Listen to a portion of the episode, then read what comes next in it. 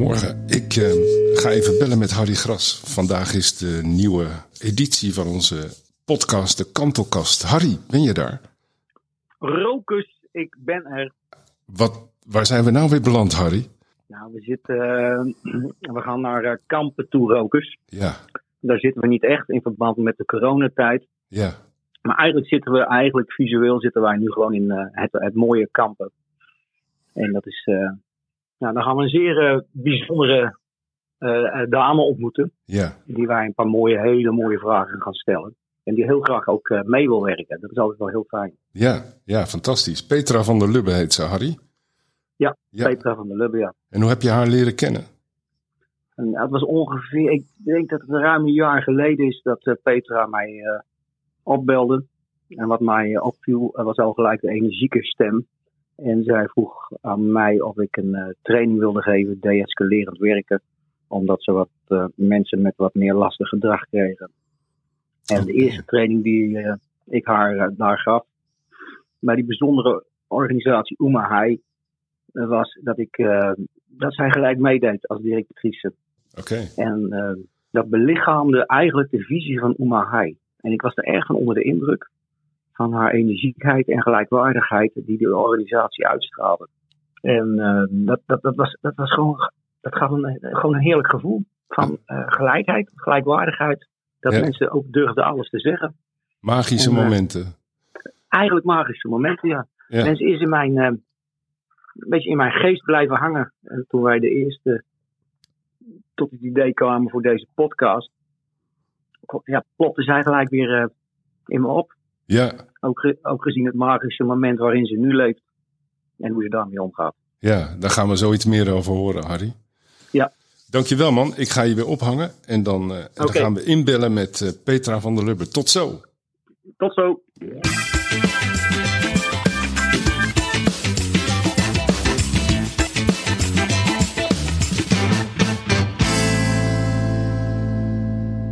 Dag, uh, dag Petra. Nou, allereerst ontzettend fijn dat je mee wil werken aan deze podcast. En uh, deze podcast die staat een beetje in het teken van de magische moment die mensen meemaken in hun leven. Ja. En, zo, en zoals jij weet zijn die vaak afhankelijk van de kleinste details. En dat die details die hebben vaak ook een enorme impact op iemands leven. En soms ook op dat van anderen. En vaak, net zoals jij bij mij een onuitwisbare indruk hebt achtergelaten, zetten die ook mensen aan tot verandering. Vandaar ook dat jij de eerste bent, uh, Petra, in onze podcastserie die wij uh, één keer in de maand gaan draaien. En, en dat kwam eigenlijk, en dat vertelde ik ook net al Rokus, dat is zo'n jaar geleden dat ik de eerste training bij jullie gaf. En dat jij gewoon tussen de mensen, de werknemers, ingang ging zitten als directrice van Umahai. En je belichaamde eigenlijk de visie van Umahai, wat is opgezet vanuit cliëntenperspectief. En uh, daar raakte je mij mee, want dat maakte ik niet vaak mee in al de trainingen en workshops uh, die ik geef.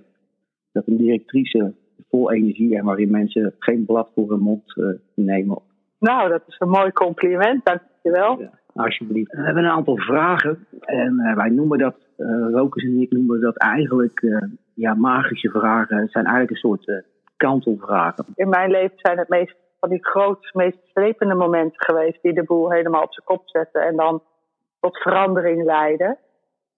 Dus ik probeerde wel in te zoomen op wat zijn dan de kleine dingen die dat doen. Hè? Wat zijn dan de wat zijn dan details of kleine dingen die ook maken dat het ja, impact geeft. En dat vond ik veel moeilijker om die, eh, om die naar voren te krijgen weer. De grote momenten die zijn heel makkelijk weer terug te halen. Maar de kleine momenten vind ik best wel lastig. Terwijl ik op zich wel weet dat ze er zijn. Dat is ook zeer lastig, die kleine momenten. Want uh, Ja. voor je het weet zijn ze voorbij en heb je ze gemist, die berichten uit het universum. Nee, klopt, want ik, ik zit nu in een best pittig traject. Eh, ik heb een ernstige ziekte en eh, ik zit in, in, in zeg maar een palliatief traject, zo heet dat dan. Als je, ze verwachten dat je niet meer gaat genezen en dat ze willen kijken of ze nog wat kwalitatief ook wat feiten eraan kunnen knopen. Ik weet wel dat ik een tijdje terug gewoon volstrekt gelukkig in bed lag en heel dankbaar was naar de kosmos. En eh, dat ik me ook een beetje afvroeg van later van waar komt dat nou vandaan? Want er was natuurlijk best ook veel om boos over te zijn of verdrietig over te zijn of in ieder geval andere emoties. Maar ik voelde me echt even helemaal heel en één. En dat zijn ook wel de momenten dat, uh, ja, dat het omgaan met mezelf en, en, en, en, en de ziekte ook weer een, een, een nieuwe boost krijgt, een nieuwe ingang krijgt. Hm. Want toch, uh, ja, ik geef me wel over aan een stukje reguliere geneeskunde, dat doe ik zeker. Uh, maar dat is niet het enige. Dat is niet de enige invloed die je hebt op je herstel. Het overgeven aan medicijnen of chemo of, ja. of wat voor medicijnen je dan ook krijgt. iedereen heeft, en iedereen kent dat natuurlijk wel, of je nou een psychiater hebt of een oncoloog, maar je moet je het woord overgeven, wat dat denk je. En je moet doen wat die persoon denkt dat goed is. Maar dat heb ik met dat gevoel wel zo gehad. Want het van, je weet zelf ook wat. En het is ook goed om je eigen spoor te volgen. En, je eigen, en voor jezelf te blijven zorgen. En niet echt alles uit handen te geven, maar ook een stukje regie zelf te gaan. Ja. Oké, okay, Peter. Ja, mooi. Het, het, het, overgeven, is het toch niet een heel klein detail, Peter, wat is opgeplopt bij je? Um, even, even helpen, wat bedoel je daarmee? Nou, je zegt die, die, die, die, kleine details zijn heel erg moeilijk en heel erg lastig. En wat wij ook beamen in al onze reizen. En je zegt, ik heb er lang over na zitten denken. Ja. En mijn vraag is, uh, nou, is het toch niet één klein detail toen je zo vredig lag en met de kosmos naar boven is gekomen? ah, ah, je maakt het helemaal romantisch, ja. um, even denken hoor. ja, Harry en ik maken de wereld altijd iets mooier dan die eigenlijk is, uh, Petra. Ja, maar dat is heel goed, dat is heel goed. en misschien is de wereld ook wel mooier dan wij hem zien hoor. Ja. Ik denk dat de wereld uiteindelijk heel mooi is. Dat heb ik, is wel iets wat ik ontdekt Ja, je, je vroeg graag iets kleins. Ik heb me wel proberen daarop te bedenken. En ze zullen, die zullen er ook vast wel zijn. Maar ik vind dat het een heel moeilijk om die te pakken. Oké. Het is echt een zin of een woord of een gebaar. Ik weet bijvoorbeeld, ik, ik uh, ben uh, na de scheiding, en dat was ongeveer in 2003, ben ik met mijn drie kinderen uh, geëmigreerd naar La Palma. Met, mijn, toen, met mijn nieuwe partner toen. En die nieuwe partner die uh, was daar zo gelukkig mee dat hij zijn medicatie voor zijn bipolaire stoornis stopte. En die, nou, dat is helemaal misgegaan. En nou, uiteindelijk heeft hij zich na acht, negen maanden heeft hij zich, uh, is hij teruggegaan naar zijn uh, ouders in België. En hij heeft zich gesuicideerd. Nou, dat is natuurlijk een verschrikkelijk verdrietige geschiedenis voor iedereen, voor de kinderen, voor mij, voor hem, voor zijn ouders. Nou, er zitten hele grote dingen, kan ik heel groot verhaal over doen. Maar de reden waarom ik uiteindelijk terug ben gegaan naar La Palma is toen de directrice in een verhaal tegen mij zei, anderhalf jaar later, van de school. Als je doet zoals de Palmero's doen met zo'n kind, en dat ging toen om mijn oudste dochter, dan ga je nu naar het vasteland. Dus ze hadden een soort cyclotoets daar gedaan in Spanje. En uh, ja, mijn dochter bleek zo intelligent dat die directrice dus zo'n zin zei dat als, je, als wij Palmero zo'n kind hebben, dan, ja, dan buiten we dat uit. Dan gaan wij of naar Tenerife of naar Sevilla of naar Cadiz en dan gaan we daar zorgen dat de kind de best mogelijke opleiding krijgt. Want dan kan hij waarschijnlijk naar de universiteit. En ja, dat is voor de hele familie goed. Dus die zin van als je doet wat Palmeiras doet, heeft wel mij doen besluiten om weer terug te keren naar Nederland. Mm. Ja, oké. Die ene zin, omdat ik dacht, ja, waarom zou ik niet doen als de Palmero's doen? Hè? waarom zou ik dan als Nederlander hier een uitzondering doen en op het eiland blijven? En natuurlijk waren er andere redenen. Hè? Waar jullie zeggen van wat is dan één zo'n sleutelzin? Dan is dat de sleutelzin geweest. En natuurlijk knoopte dat wel vast in een proces waar ik al in zat van hoe ga ik het hier langer redden? Want het is een best arm eiland. Ik moest echt hard werken om een beetje uh, geld uh, geld te verdienen voor, voor, in mijn eentje voor mijn drie kinderen. Dus er waren meer redenen natuurlijk om terug te keren met mijn opleiding waar ik in Nederland wel veel geld mee kan verdienen. Maar de, de, de, uiteindelijk dat, dat wipje, dat, dat, die, die, waardoor je zegt, ja, wat gaan we doen, was die zin van die directrice. Oké, okay, wauw. Ja. En, en hoe, hoe, hoe, heeft dat jou in beweging uh, gebracht? Want die zin die heeft iets bewerkstelligd. Nou ja, eerst was het de zin van de meiden dat ze toen, toen uh, mijn vriend dus net, net gestorven was, was mijn, mijn eerste impuls van ik pak alles in en ik ga weer terug naar huis. Dat, omdat het was pas acht maanden, dus het, was daar nog niet echt thuis. Uh, en toen waren de kinderen kwamen met wij willen niet weg, wij willen hier niet weg. En die had ik niet aanzien komen. Dus dat is het eerste moment geweest dat ik daarna gewoon geluisterd heb en het gedacht heb, ja, zij, zij hebben het meeste al meegemaakt. En zij hebben al het meeste moeten doorstaan door besluiten die volwassenen om hun heen nemen. Dus dat was het eerste moment dat ik dacht, dan, dan neem ik hun, uh, dan doe ik wat zij nu besluiten, wat zij nu willen. En zij willen blijven, dus dan blijf ik. En toen die directrice dat zei, toen uh, van, van toen als de Palmero's, ja, dan, dan, uh, ja, dan is het eerst denken, waar ga ik dan naar terug in Nederland?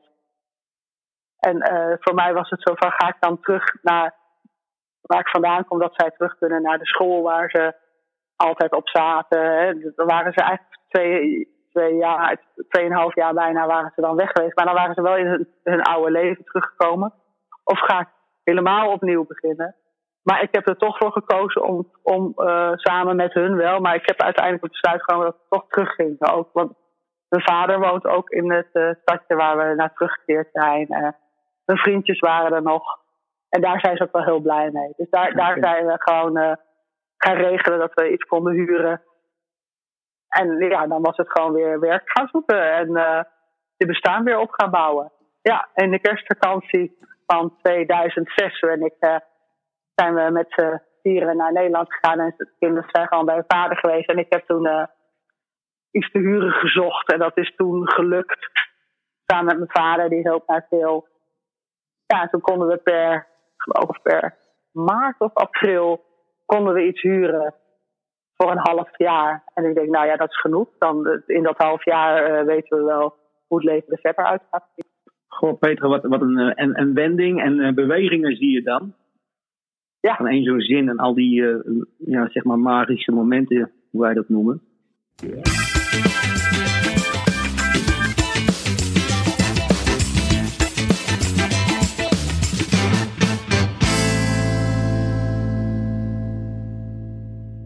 Bending my own rules.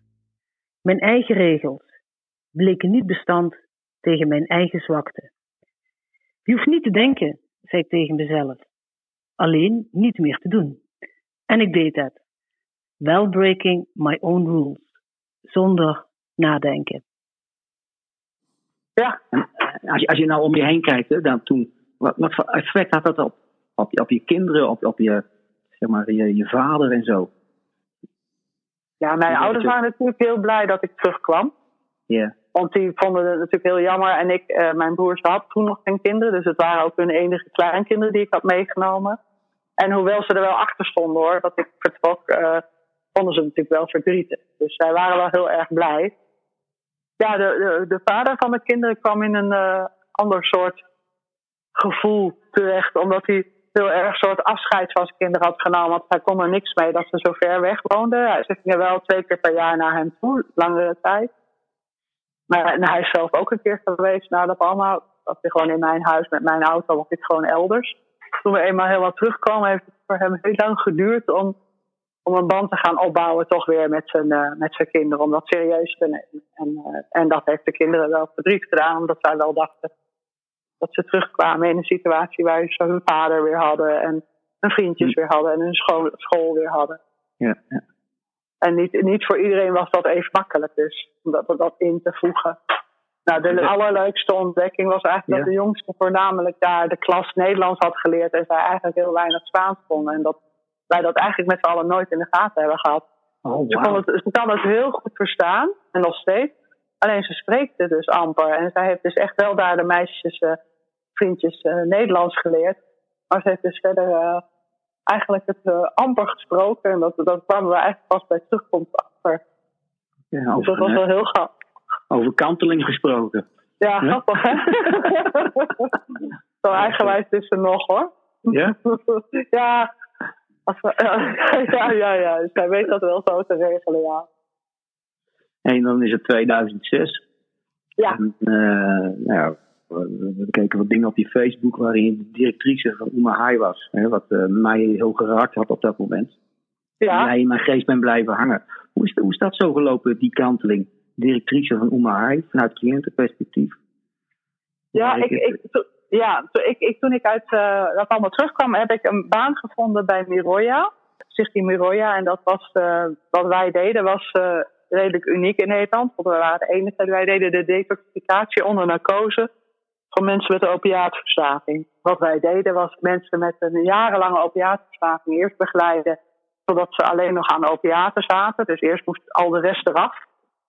Nou, dat was al een heel traject natuurlijk. En uh, nou, als al de rest eraf was, dan werden mensen uh, overgezet op, op een synthetisch opiaat van hun, uh, ja, of van hun methadon of van hun heroïne waarop ze binnenkwamen. En dan werden ze, ja, onder narcose gingen ze dan afkicken en dan kregen ze een implantaat naltrexon. Nou, dat is een hele controversiële behandeling altijd geweest, maar ik heb daar heel veel van geleerd. En dat is heel erg samen altijd met met de mensen die zich aanmelden gebeurt. Ja, we mogen patiënten noemen. Ik weet niet wat ander woord, maar ik vind, het, ik vind het een akelig woord. Ik ben nu ook patiënt, maar ik vind het een akelig woord. En zo verhoud ik me ook niet graag naar mezelf, maar ook niet naar de wereld. Maar goed, zo noemen we het nou eenmaal met z'n allen. Ja. Daar hebben we niks anders op verzonnen. Maar daar, daar heb ik een, een tijd gewerkt met een, met een goed team. En we hebben daar ontzettend goed werk gedaan. Ik krijg ook nu nog vanuit die richting heel veel reacties van, vooral van uh, zeg maar oud-cliënten die uh, ja, ontdaan zijn over hoe het dan nu gaat. Mm-hmm. Maar die hebben alle contact gehouden en dat is gewoon een hele, ja, een hele unieke, unieke traject geweest. Alleen, ja, je, je hebt wel uh, het, het leven van uh, veel mensen in die tijd ook wel een, een, een bruske en positieve wending gegeven, lijkt mij, als ik ja. het zo hoor. Ja. Ja. ja, het is altijd wel... ja, en sommige mensen noemen het ook dat ik hun leven gered heb. En ben daar wel eens in, over in discussie gegaan dat ik het daar niet mee eens ben. Maar ik heb daar van hun in ieder geval nooit meer gelijk in gekregen. Ja, ja, ja. Zij wensen dat gevoel zo te houden. En, ja, uh, ja, uh, ja, Ik heb een kunstenares in de, in de Living Museum. En ja. mensen vragen wel eens aan haar: wat betekent de Living Museum eigenlijk voor jou? En dan zegt ze: ja, als het de Living Museum er niet was geweest, dan was ik er niet meer geweest. En uh, ja. ik heb haar gevraagd, de, zeg dat alsjeblieft maar één keer tegen mij, want die verantwoordelijkheid die kan ik niet dragen. Ja, ja precies. Ja, precies, die ja. ja. ja dat is hem. Maar ja, ja ik, uh, er zijn wel mensen die dat tot, ja, dat, tot, die nu ook. Ik heb een brief gekregen van de, de voorzitter van de cliëntenraad toen. Dat is ook een, een man geweest die ik lange tijd begeleid heb. En en die heeft een brief geschreven aan mijn dochters over hoe hij naar mij kijkt. Voor als ik er niet meer ben. Heeft hij een brief geschreven naar mijn dochters. Het is een ontzettend mooie brief. Beschrijft oh, op een hele. Ja, het is echt zo ontzettend ontroerend. Ja, hij beschrijft op een hele mooie manier uh, wat hij eraan beleefd heeft. En uh, aan mij als mens meer dan als therapeut. Ja. En dat, ja, dat is gewoon, dat is gewoon heel, dank, dat is heel dankbaar. En dat is wel sowieso in deze periode heel mooi hoor. Dat er veel van die. Uh, Mensen uiten zich nu heel open naar mij. Hm. Over wat ze van me vinden. Nou, alleen de positieve mensen, godzijdank. En, uh, en dat is heel erg fijn. En alle mensen die me niet moeten, die houden zich stil. En dat is ook heel fijn. Ja, ja, ja. ja. ja. Zijn, zijn dat magische momenten in, uh, dat het niet zozeer gaat hoe je acteert als therapeut, wat natuurlijk ook belangrijk is, maar hoe je als mens overkomt. Ja. En onconventionele dingen doet. Ja. Ja, dat is het meest belangrijk. Ik weet ja. dat hij op een gegeven moment, uh, tien jaar geleden was dat, uh, inmiddels misschien nog eens langer, dat hij met vier grote champagneflessen naar, naar Miroja kwam om uh, aan de anesthesioloog en de arts mij en nog een collega van mij die champagneflessen te geven. Ja, wij weten wel dat je mag dat niet, je mag het niet ontvangen en al helemaal geen alcohol en al die dingen. Maar ja, als iemand zo trots komt, uh, ja, wat ga je dan doen? Ga je dan zeggen, neem ze mee terug? Dat hebben wij niet gedaan. Wij hebben nee. gewoon in, in alle vrolijkheid uh, ontvangen. En, uh, yes, ook dat. ook dat is gelukt, ja. Oké. Okay, ja. En vervolgens komt er een kanteling. Ga je naar Umahai, wat misschien weer geen kanteling is, als ik het zo hoor. Als, uh, nou ja, ik las, ik, ik, ik, aan het eind van natuurlijk het afbouwen van, uh, uh, van Miroja, dacht ik, chips, ik moet wel werk houden. Uh, immers, mijn kinderen waren inmiddels wat ouder en die, de eerste ging studeren. Dus de teven werd er niet goedkoper op. En uh, toen heb ik, toen zag ik uh, bij toeval die advertentie staan. En ja, ik heb die tekst niet meer, maar dat is wel heel grappig. Maar Nou, als je die tekst van die advertentie van Omahai, die directeur, leest, dan ben ik. Hmm. Dat was ik gewoon. Alle zinnen die daar stonden, denk ik, nou, die hebben ze speciaal voor mij geschreven, bij wijze van, hè? Dit is magie. Ja, die- ik denk echt, dit ben ik, dit ben ik precies. En zo ging ik ook de gesprekken in. Zo van, jullie, jullie, zoeken, jullie, jullie hoeft niet verder te zoeken, jullie hebben mij gevonden. Oké. En zo voelde het ook, hè. Nou ja, dus zo voelde het aan de andere kant ook. Dus dat was... Ja, en die, dat, dat, dat gevoel is ook wel gebleven. Dat is nu natuurlijk ook, nu ze bezig zijn met een nieuwe directeur zoeken, is ook even het lastige nu. Omdat, ze- omdat ze nu zoiets eh, bijna hebben, sommige collega's van mij, van we willen niet nog iemand vinden die geschikt is. Want dat kan eigenlijk niet, maar ja, dat kan natuurlijk wel. Ja, de, de verbinding is groot. Ik merk wel nu afstand schept afstand hoor. Uit het oog, uit het hart is niet helemaal is te hard gezegd. Want ik weet dat heel veel mensen aan me denken. Maar ook het leven gaat ook gewoon door. Het is ook gewoon, eh, hè, het bolletje blijft draaien. Er komt iedere keer een nieuwe dag. En eh, er zijn een heleboel collega's die nog heel vaak even iets laten horen. Maar ook een heleboel die, waarvan ik niks meer hoor. En dat is ook oké. Dat is ook, dat, zo hoort het ook. Ik kan me wel iets eh, voorstellen bij die, eh, bij die functieomschrijving, eh, Petra. Ik, Ja. Want ik Ja. heb even gekeken op de site en ik werd er al gelukkig van, eh, eerlijk gezegd, wat Ja. daar stond. Ik, ik was verbaasd, ook toen Harry eh, jouw naam voor het eerst liet vallen, dat ik überhaupt de instelling niet ken, wat ik eh, echt een, een, een groot hiaat in mijn hoofd vind. Eh, want ik had het gewoon moeten kennen, maar eh, ja, heel bijzonder. Echt een bijzondere instelling, ja. Nou ja, het is, wel een, het is ook wel een klein clubje. Je moet je voorstellen, het is eh 17,5 jaar geleden ongeveer begonnen. Ja, zoiets ongeveer. En het is een klein clubje, het is een cliënteninitiatief geweest. Het zijn gewoon drie heren geweest die, die iedere keer terugvallen, vielen na, nadat ze een behandeling gehad hadden, die jarenlange behandeling gehad hadden. En gewoon tegen elkaar gezegd hebben, we redden het niet alleen wij. ja. Als we alleen op ons plek weer komen, dan verkommeren wij. Laten we het eens samen proberen. Nou, dat, en dat samen proberen, toen eh, hebben ze uiteindelijk PGB's aangevraagd en wat zorg kunnen inkomen in eerste, kopen in eerste instantie voor elkaar. En uiteindelijk eh, is dat ja, langzamerhand geprofessionaliseerd. Nou, dan is er in 2014 zeg maar een soort grote crisis geweest. En, en dat is, en die, die, die crisis is het moment geweest van echt eh, van ja, word je nou, blijf je nou een klein initiatief of ga je professionaliseren? Nou, en toen is die professionaliseringsslag er gekomen. Ja. Ja, en er zijn eh, nog steeds wel deelnemers die nu ook medewerkers zijn geworden. Dus die, die, die, die doorstroom die is er nog steeds. Niet meer zoveel als toen ik er net kwam. En er zijn ook eh, eh, ja, medewerkers die weer deelnemers zijn geworden. Ja, dit, dat, dat hoort wel bij Oemahai. Ja, Ik nee, ken toch weinig instellingen die, eh, die dat aandurven en dat doen. Ja, ik vond het ook heel uniek. Ik vond het wel heel organisch en nog steeds. En eh, Ja, ik vind het ook een hele mooie manier, mooie manier van werken samen. Maar ik denk wel dat, dat, dat het feit dat je niet bekend bent vooral te maken heeft met eigenlijk. Ook toen ik kwam was het sowieso helemaal naar binnen gekeerd nog. Mhm. En we zijn wel wat, eh, wat naar wat congressen geweest. En we hebben, wat, wat, we zijn, we hebben ons bij dat Pepper, wat, ver, eh, wat op Windesheim, dat onderzoek naar ervaringsdeskundigheid, hebben we ons ook wat eh daar tegenaan bemoeid. En we hebben toen Ali Weerman ook als raad van toezichtlid, die kende ik. Dus die heb ik gevraagd als raad van toezichtlid, ook in de hoop dat je gewoon... Kijk, die bekendheid geeft ook wel bestaanszekerheid. Hè? Eh, we- we wisten ook dat al die financieringsstromen gingen veranderen. En je wil natuurlijk wel blijven bestaan in al dat geweld van veranderingen. En wij hebben meegedaan, toen moesten we meedoen aan die aanbesteding, eh, die dan vanaf eh, januari, afgelopen januari gold. En toen hebben we moeten kiezen, blijven we met PGB's werken of gaan we toch de aanbesteding doen? En dat hebben we heel zorgvuldig ook met de deelnemers gedaan. Ook hun uitgelegd, ja, PGB, daar ben jij de baas over, dat bepaal, jij.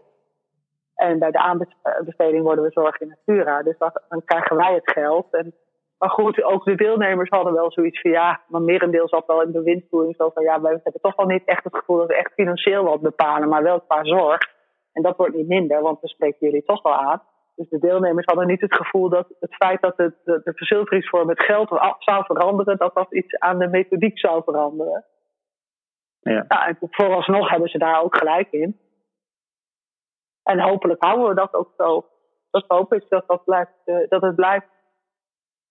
Ja, nee, ik, ik vond in ieder geval toen ik, er, toen ik het was, nou, ik, ik voelde het ook. Omdat iedereen gewoon deelnemer is. Mhm. En je kan af en toe in een andere positie zitten. Ja. Uh, er werd ook niet gekoketteerd, zo voelde ik het althans, met het woord ervaringsdeskundigheid. Nee, nee, nee, nee. Soms sta je aan die kant en soms sta je aan de andere kant. Ja. En dat gaf een heel fijn gevoel. En het gro grootste wat, wat het verschil wel is nu, dat alle zorgprofessionals hebben ook een zorgprofessional uh, opleiding.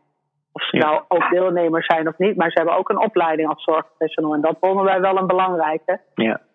Om wel te zorgen dat je dat kan borgen, zowel niet alleen naar buiten toe, maar gewoon ook naar de deelnemers toe. Het vraagt toch wel wat, en sommige mensen vinden dat alsnog moeilijk, maar het vraagt toch wel wat om echt afstand te houden tot je eigen, hè, tot je eigen kwetsbaarheid. Om niet daar door andermans kwetsbaarheid uh, zelf te gaan wankelen. Ja. Zou je nou uh, deze functie, Petra, uh, als, ook omdat het jou zo past als een jas van Fong Leng, als je levenswerk kunnen zien? een, een, deel, een deel van mijn levenswerk. Hmm. Ja. Het is ergens wel een soort van. Alles wat ik in mijn leven heb gedaan, heeft geleid tot, tot dat ik daar dat kon doen wat ik daar ook graag deed. Hè. Dus al, alle ervaringen, alle, alle professionele, maar ook levenservaring die ik heb opgedaan, die vielen samen in, in daar directeur kunnen worden. Dus dat, dat, dat vond ik gewoon. Uh, het hele magische. Daarom vond ik ook echt dat die voor mij was geschreven. Ik denk, er kan niemand anders zo geschreven. Nee, dat kan niet. Dat iemand anders dat ook zo passend heeft. Ik, ik kan me wel al voorstellen, en, en, dat, en dat weet ze daar ook. Ik kan me wel voorstellen dat ik het op een gegeven moment ook overgelaten had. Hm. Dat ik op een gegeven moment toch ook uh, weer iets nieuws zou zijn gaan aanpakken. Want het is om, om directeur daar te zijn. Daar, daar, het, heeft, het, heeft, het is ook een eenzame functie, laat ik het zo maar zeggen. Ja. Want ondanks ja. de enorme gelijkheid, gelijkheid die, het, uh, die er is, als het echt om knopen gaat, is er maar één waar naar gekeken wordt. En als Misschien, het echt, uh... echt gaat om na, nare dingen, als het echt erom gaat, dan wordt er maar naar één gekeken. En die moet dat dan ook regelen en die moet dat dan ook waarmaken. Ik kan me vergissen, maar uh, we kennen elkaar natuurlijk nog niet zo goed. Maar ik, volgens mij ben jij niet iemand, uh, als het over innovatie gaat, vernieuwing, de, iemand die de kantjes ervan afloopt. Je neemt bewust risico's. Nee. Ja. en dan ja, ben je natuurlijk nee. ook kwetsbaar. Ja. ja, en ik denk ook van, van zo, zoals het nu. Uh, nou, ik ben gewoon nu, nu heel nieuwsgierig hoe het nu verder gaat. Ik zie dat het natuurlijk een beetje piept en kraakt. En dat heeft natuurlijk te maken met dat ik ben in augustus vorig jaar ben ik uh, uitgevallen. Toen heb ik twee vervangers. Eentje voor personeelszaken en één voor de inhoud. En, en, en nog, ja, twee, nee, drie, drie mensen waren er die, uh, aantal, die, die mijn uh, onder drie mensen werd mijn taak verdeeld. En dat hebben zij met z'n drieën in ieder geval tot maart gedaan. Toen is er eentje afgevallen en weer een maand later de ander. En langzamerhand heb ik dus mijn werk weer opgebouwd. Maar dat was al een hele verandering. Waar, het is een onrustig half jaar geweest hè, voor iedereen. Ja. Nou goed, en toen is het een paar maanden uh, rustig geweest. En toen kreeg ik natuurlijk uh, in oktober het finale verdict te horen dat ik uitzaaiingen heb.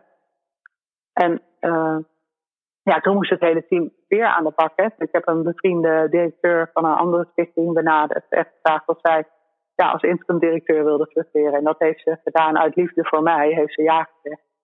Nou, dat is heel fijn. Ja. En toen hebben we een uh, aantal bevriende instellingen, waaronder uh, Lister Jan Bernsen, voor spoedoverleg gevraagd in die week.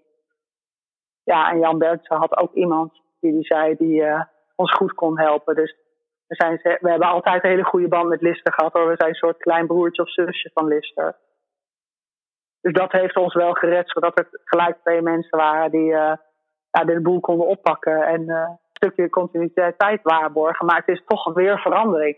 En het is ook weer tijdelijk. Dus iedereen weet ook dat het is dan vanaf oktober. En dan weten ze weer dat ergens in, in het komende jaar gaat het weer veranderen. Want dan komt er Ja. een nieuwe directeur. Dus, en dat vraagt best veel hoor. Aan zo'n klein, het- we zijn een klein, het vraagt veel. Om steeds dat we moeten veranderen en meebuigen. En Maar kennelijk heb je een of andere uitstraling, een of andere magisch iets, waardoor eh, die functies eh, tijdelijk worden opgevuld. vanuit Ja. eh, vriendschap, et cetera.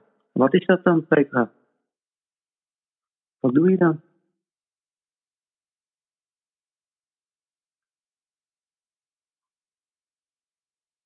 Wat ik dan doe. Ja.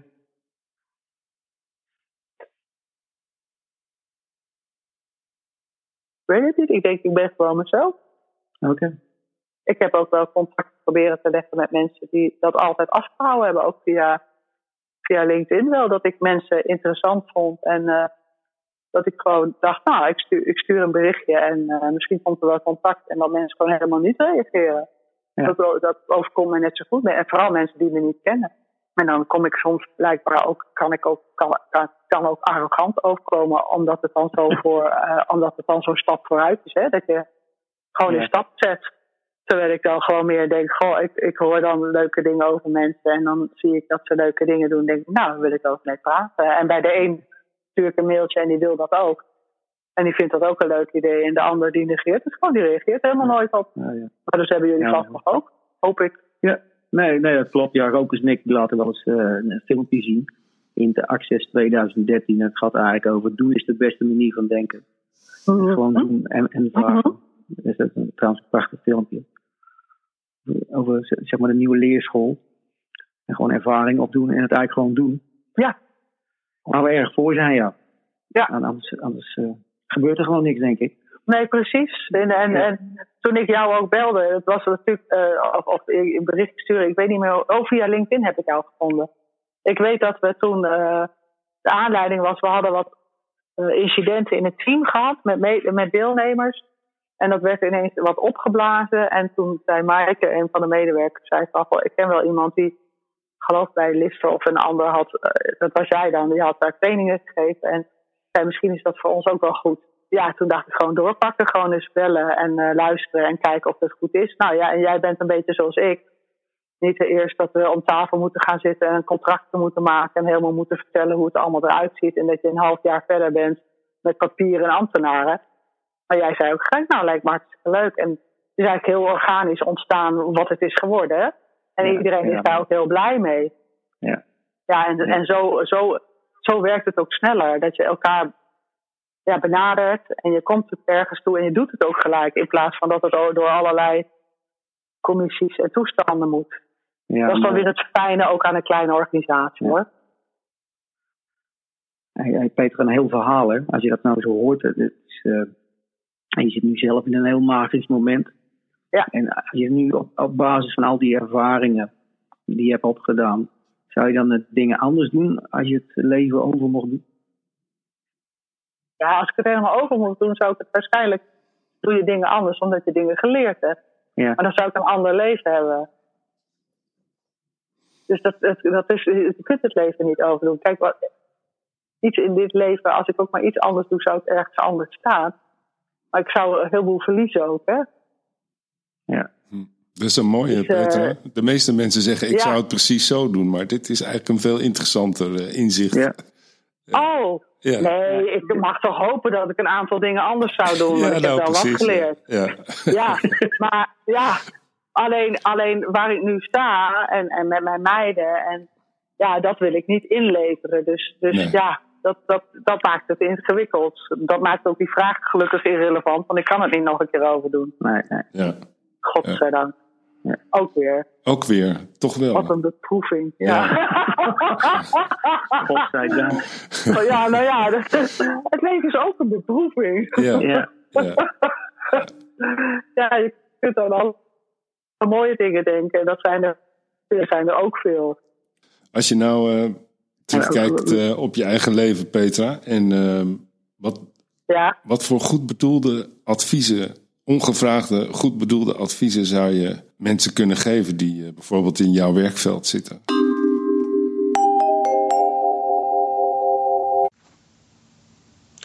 Toen Rokus mij vroeg om een bijdrage te leveren aan de podcast over van Petra van der Lubbe, zei ik meteen ja.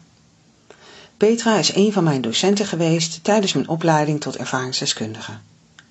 Haar oordeelvrije en ondersteunende houding ten opzichte van mij en mijn ontwikkeling tot ervaringsdeskundige zal me altijd bijblijven en het heeft me erg geholpen. Petra heeft naast een sterk analytisch vermogen de gave om kritisch te zijn zonder haar milde en accepterende energie kwijt te raken.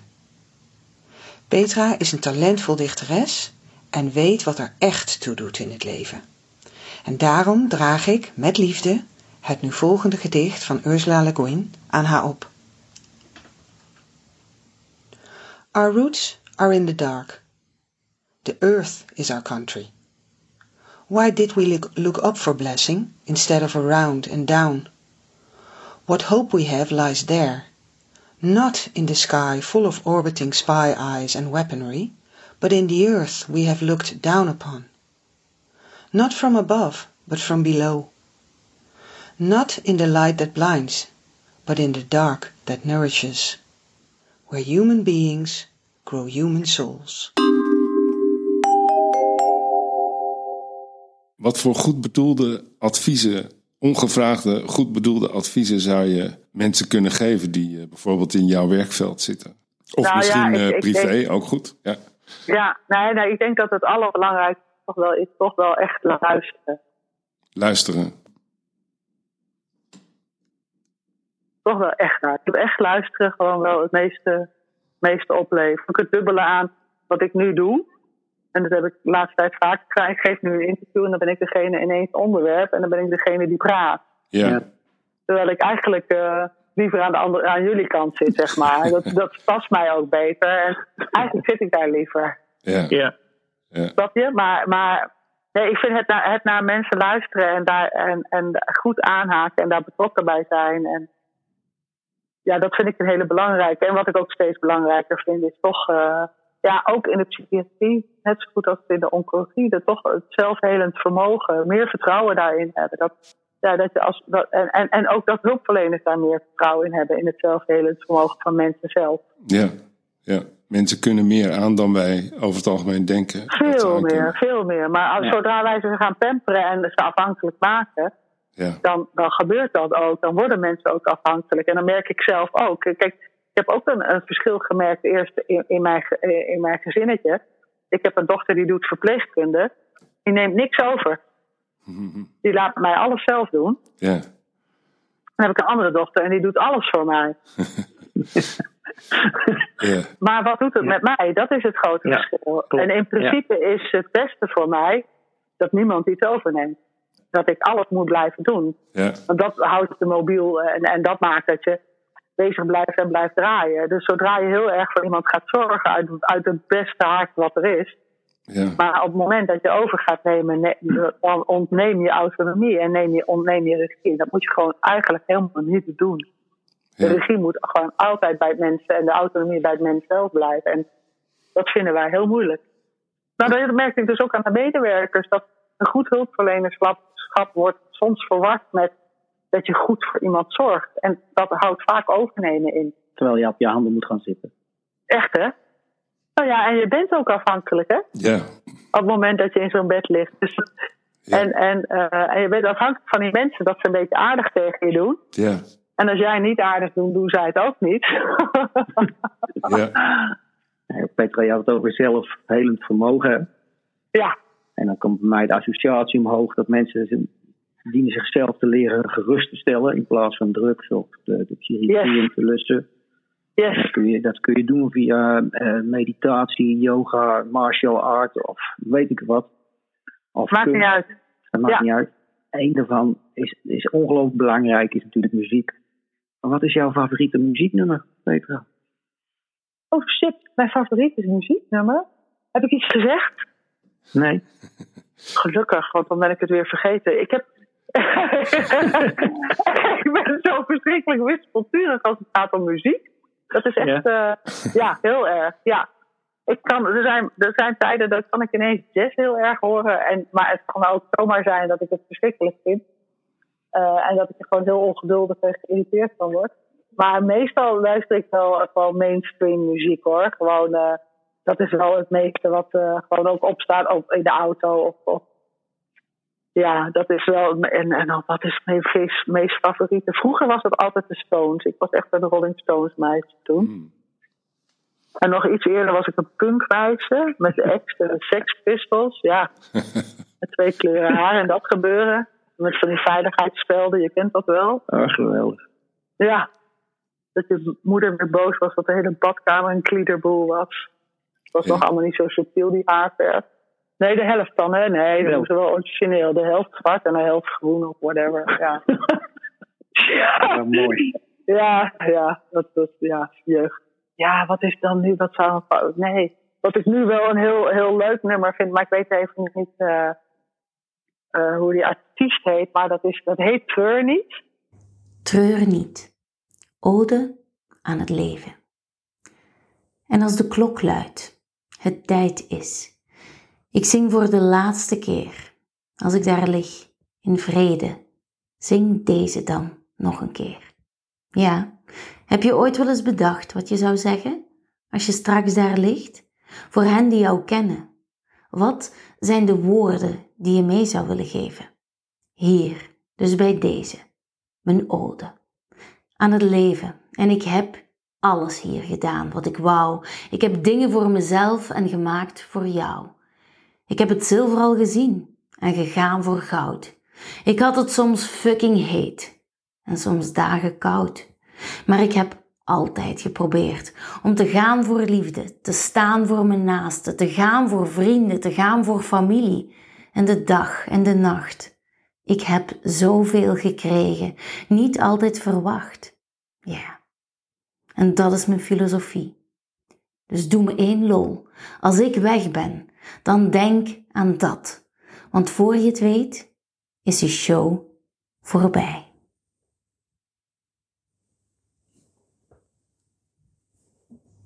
En dat is de ode aan het leven. En dat vind ik wel een heel, ja, dat vind ik wel, zeker het eerste couplet, tweede couplet gaat meer over die persoon zelf. En dan wordt het, verdwaalt het alweer iets af van mij. Maar dat vind ik wel een heel, eh, Ja. heel, mooi, heel mooi nummer. Hoe heet dat?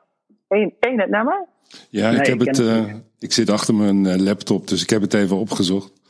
Eh Digidex heet Als hij. ik dood ga. Ja. Ja, ja, Ja. die ja. Ja, ja. geweldige man ook, hè? Ja, een, een, een magische Ja. stem. Ja.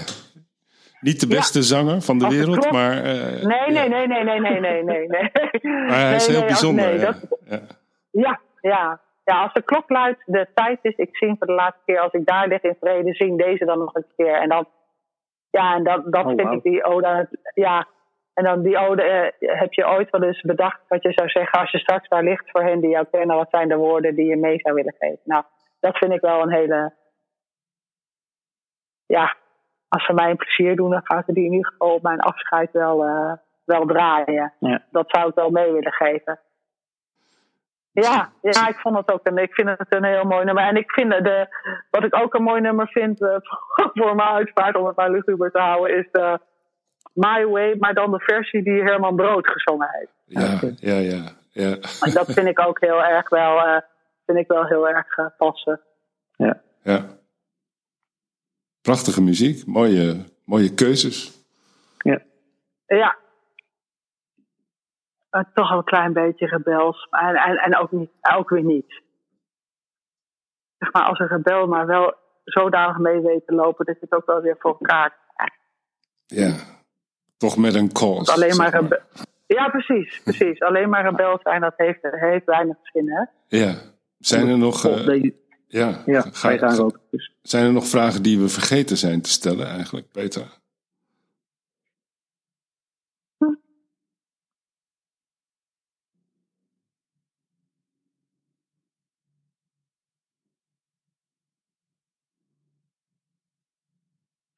Nee, dat is lastig. Ja, Ja, ik, ik bedoel, er komt heel veel in me op, maar om dat eh, in een vraag te vertalen, dat zou ik niet weten. Er komt wel heel veel in me op, maar dan zijn we nog een paar dagen aan het praten, dat hoeft ook niet. Hè. schrijf je ook? of Nee, ik denk, ja, wat zeg je? Schrijf jij? Ik, je... ik schrijf gedichten. Ja, oh, oké, oké. Ik ben altijd schrijver. Ik wilde altijd journalist worden. Dat is dus mislukt. Maar dat was eh, mijn eerste roeping toen ik op de HAVO nog zat. En, en toen ben ik naar de school voor journalistiek gegaan. En toen liep ik daar rond dacht ik, maar hier wil ik niet bij horen. Dus toen ben ik uit armoede maar ateneum gaan doen. Hm, Omdat ik toch iets moest gaan doen. ja, En toen eh, ben ik daarna naar de voorlichting Nederlands. En je moest er twee, dus ook naar psychologie gegaan. En ik dacht Nederlands, hè, dan kan ik nog journalist worden. ja. Maar toen werd ik helemaal depressief van de middeleeuwen en al die oude, oude literatuur die je dan ook allemaal moest doen. Ja. Ik denk, oh, maar dat was mijn bedoeling helemaal niet. En, en die, die, die psychologie, man, was gewoon een hele inspirerende spreker. Dus die heeft mij eigenlijk de psychologie ingelokt. Ja, Dus ik ja. zat daar tussen allemaal mensen die hun eigen problemen wilden oplossen. Terwijl ik verhalen wilde opschrijven van anderen. Dus die motivatie was even, dat was wel even een dingetje. Want dat was toch wel heel anders. Een nieuw, wat nieuwer motivatie. ja. Genoeg En ik ben altijd wel blijven schrijven, maar nu gedichten inderdaad, omdat dat, ja, dat kan klein en kort en ik heb er gewoon niet heel veel tijd voor. Ik zou, ik zou ooit een roman eh, hebben geschreven, maar ja, Oké, is- eh, ja, daar moet je voor gaan zitten. Hè? wat is de titel Ja. van die roman die je niet geschreven hebt? De titel, nee, die had nog geen titel. Oh, oké. nee. Stel dat het een titel zou hebben. Wat zou je dan zeggen? Ja, ik, mijn manier, mijn manier, ja, zoiets. Oké. Dat lijkt mij. een prachtige gedichtenbundel eh, uitgebracht. Hè? Ja, ja, dat Ja. Heb, ja dat, en ik ben wel heel blij dat ik dat nog gedaan heb toen ik dacht dat ik eh 70 zou worden. Want dat was het ook. Hè. Dit is toch in het vreugdevolle van dat ik in herstel was en dat het heel goed met me ging. En dat ik steeds meer ging werken en eigenlijk steeds meer kon. Ja, goed, en dat is gewoon heel fijn. En toen heb ik besloten, eh, en, en, eh, ja, dat was wel een ma- magisch moment. Ik had één keer een gedichtje op Facebook gepost. En een oom van mij reageerde van, eh, heb je er wel eens over gedacht om het uit te geven? En daar had ik wel eens over gedacht, maar dat dacht ik zelf. Ik, ik had tegen mijn dochter wel eens gezegd, van ik geef ze, ik drukte gewoon een aantal, want ik wilde gewoon een aantal hebben. Ja, toen had zij zoiets van, nee, niks, niks. Dan ga je maar via een uitgeverij eh, doen, niks zelf uitgeven. Dus en dat is gelukt en dat is, eh, dat, daar ben ik heel blij mee. Dat is 23 oktober kwam die uit. Dat was net een week nadat ik dus die diagnose van uitzaaiing had gehad. Dus dat was een hele rare euforie na, na ja, dat was gewoon. dat bizarre tijden zijn dat. Hele bizarre tijden. En een mens kan dat dus gewoon aan, al die wisselende emotie. Dat, dat, dat kan dus gewoon. Dat Ja, mooi. Ja, dat, dat- ja, dat kan, kan dus gewoon. En dat kan allemaal echt zijn. Heb Het je kan een, allemaal eh, naast elkaar en, en tegelijk. ja, ja, ja. Heb je een van die gedichten zo paraat? Oh, Ja. eh, nee, dan moet ik hem pakken. Pak hem even. Oh, dan moet ik over nadenken. Oh. Pak hem maar even. En Sla een bladzij open en dat is de Ja. goede. Dan gaan wij luisteren. nou, ik, ik kan er wel eentje die, die gaat over. eh, die, die, dat is een soort verwerking van na de diagnose, na de eerste diagnose, zeg maar. En dat heet soms. Soms wil ik wakker worden in mijn oude zelf, die veel jonger en blij was en nog ongeschonden. Soms verlang ik weer terug naar wat ik eerst was, onvervaard en onkwetsbaar en ook ongebonden. Soms laat ik een stille traan naar het verleden, toen ik onbekommerd was met biljoen seconden. Dan als lichtstralen verdraaien naar het zwartste gat plotseling verdwijnend dof, ongekende diepten, waar alles weer wordt tot niets, begin nog eind of slecht energie voortbestaat, blijken ik en jij stof. Dus soms lach ik nu om niets, doorstroomt dankbaarheid iedere vezel van mijn zijn, als maan of zonneschijn.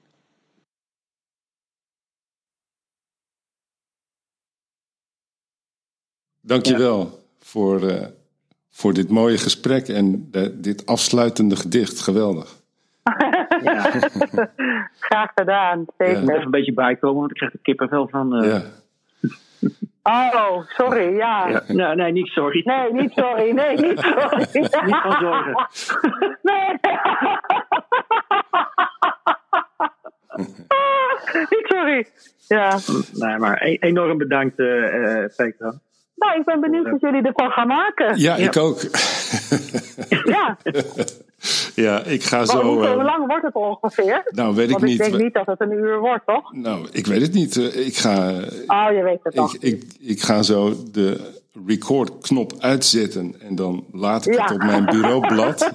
en, eh, en dan ga ik er naar luisteren. En, eh, ehm, Leuk. en eh, laten we dit gesprek afsluiten met dat uh, swingende tuentje wat ik gisteravond liet horen.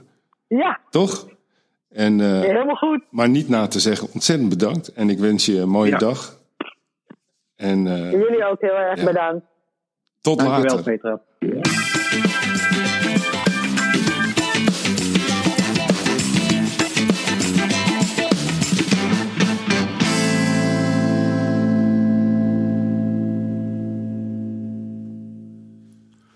Deze kantelkast kwam tot stand met medewerking van Petra van der Lubbe, veerkrachtbeoefenaar, verteller, luisteraar en moeder. En natuurlijk Harry Gras en Rokus Lopik. De volgende mensen leverden een prachtige bijdrage. Marley van den Berg, projectleider van Levanto Ervaringsdeskundige Team. En Daantje Daniels, manager zorg van Iris Zorg. En onze derde lieve vriendin Brenda Frooyen uit België, docent aan de Hogeschool in Antwerpen en schrijfster van het boek Kortsluiting in mijn hoofd.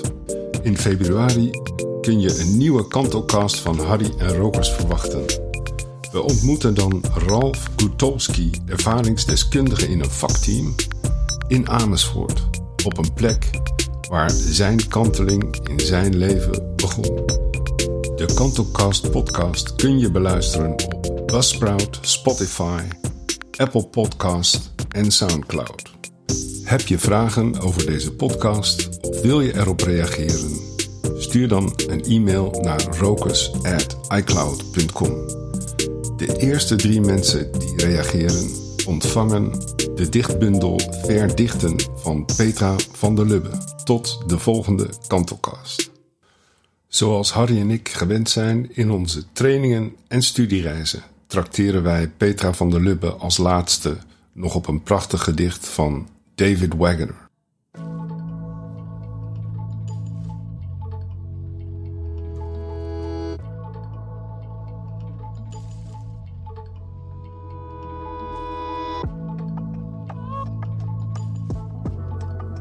Lost. Stand still, stand still. The trees ahead and the bushes beside you are not lost.